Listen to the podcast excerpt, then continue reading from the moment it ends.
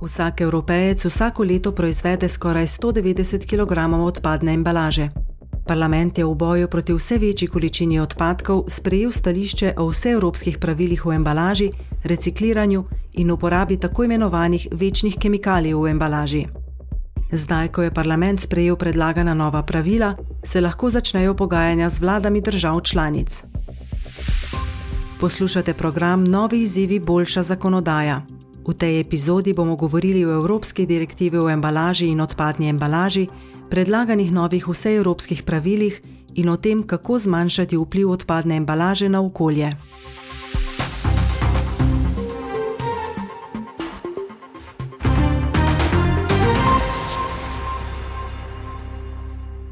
Med odpadki je vse več embalaže. Skupna količina odpadne embalaže v Uniji se je z 66 milijonov ton leta 2009 povečala na 84 milijonov ton leta 2021.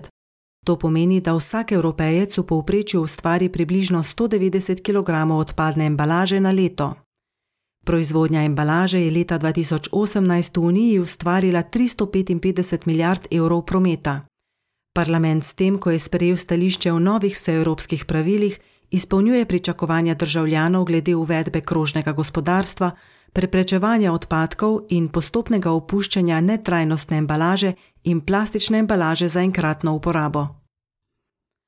Evropska komisija je oktober 2020 navedla, da bo v okviru Evropskega zelenega dogovora in novega akcijskega načrta za krožno gospodarstvo predlagala revizijo direktive o embalaži in odpadni embalaži. Dve leti zatem je objavila nov predlog uredbe, katerega splošni cilj je zmanjšati negativni vpliv embalaže in odpadne embalaže na okolje ter izboljšati delovanje notranjega trga. Med bolj specifičnimi cilji predloga pa so zmanjšanje količine ustvarjene odpadne embalaže, spodbujanje stroškovno učinkovitega krožnega gospodarstva za embalažo in povečanje uporabe recikliranih materijalov v embalaži. Pa se pobliže seznanimo z direktivo o embalaži in odpadni embalaži. Direktiva je v politiki Unije na področju ravnanja z odpadki bistvenega pomena.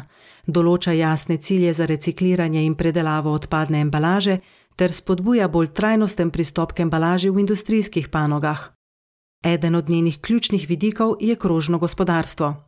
To pomeni premik od tradicionalnega linearnega modela vzemi naredi v uporabi in zavrzi k bolj krožnemu sistemu, v katerem se materijali ponovno uporabijo, reciklirajo in znova vključijo v proizvodni cikl. Direktiva določa tudi zahteve, ki veljajo za vso embalažo na trgu Unije. Embalaža mora biti na primer velika in težka le toliko, da zagotavlja sprejemljivo zaščito izdelka ter ohranja potrebno varnost in higieno izdelka v embalaži za potrošnika. Pri zmanjševanju okoljskega odtisa proizvajalcev embalaže je to izjemnega pomena. Kateri so torej velikopotezni cilji te direktive? V skladu z direktivo moramo do leta 2030 70 odstotkov vse embalaže učinkovito reciklirati ali pripraviti za ponovno uporabo. Določa tudi cilje za posamezne materijale, ki jih je prav tako treba doseči do leta 2030. Tako naj bi do takrat reciklirali naprimer 55 odstotkov plastike in 85 odstotkov papirja in kartona, ki so najpogostejši material v sestavi odpadne embalaže. Poleg splošnega cilja zmanjšanja embalaže za 5 odstotkov predlaganega v uredbi, želijo poslanci določiti tudi posebne cilje za zmanjšanje količine plastične embalaže. Eden izmed njih je 10 odstotno zmanjšanje plastične embalaže do leta 2030. To naprimer pomeni, da bodo lahke plastične nosilne vrečke prepovedane, razen če so potrebne iz higijenskih razlogov ali se uporabljajo kot primarna embalaža za nepakirana živila, kadar to pripomore k temu, da bi se zavrglo manj hrane. Med primeri so tudi miniaturna embalaža za toaletne izdelke v hotelih in plastični uvoji za kavčke na letališčih. Kako pa ta uredba vpliva na podjetja in potrošnike? V skladu z uredbo morajo proizvajalci poskrbeti za to, da bo njihova embalaža prijazna okolju. Pri zasnovi morajo upoštevati uporabljene materijale, možnost recikliranja embalaže in splošen vpliv na okolje. Poslanci pozivajo naj se v predlaganih novih pravilih prepovejo škodljive snovi v embalaži živil, da bi se preprečili škodljivi učinki za zdravje. Pomembne vloge pa nimajo le proizvajalci, temveč tudi potrošniki.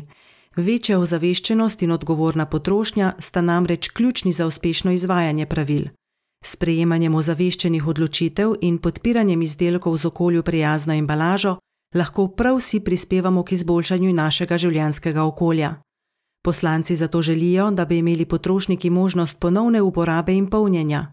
Prodajalci pijač in hrane bi morali potrošnikom naprimer ponuditi možnost, da pri tem uporabijo svojo posodo.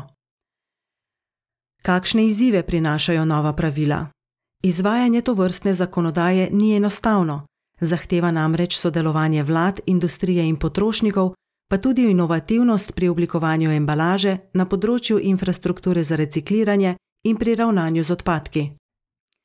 Številna podjetja se že prilagajajo, razumejo, da morajo svoje prakse uskladiti s ciljem uredbe, pa naj gre za uvajanje trajnostne embalaže ali naložbe v raziskave in razvoj okolju prijaznih materijalov.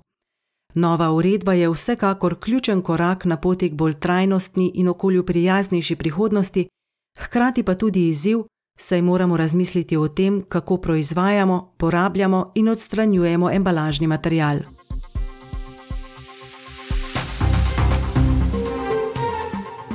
To je bil prispevek Evropskega parlamenta. Več informacij je na voljo na našem spletnem mestu Think Tank.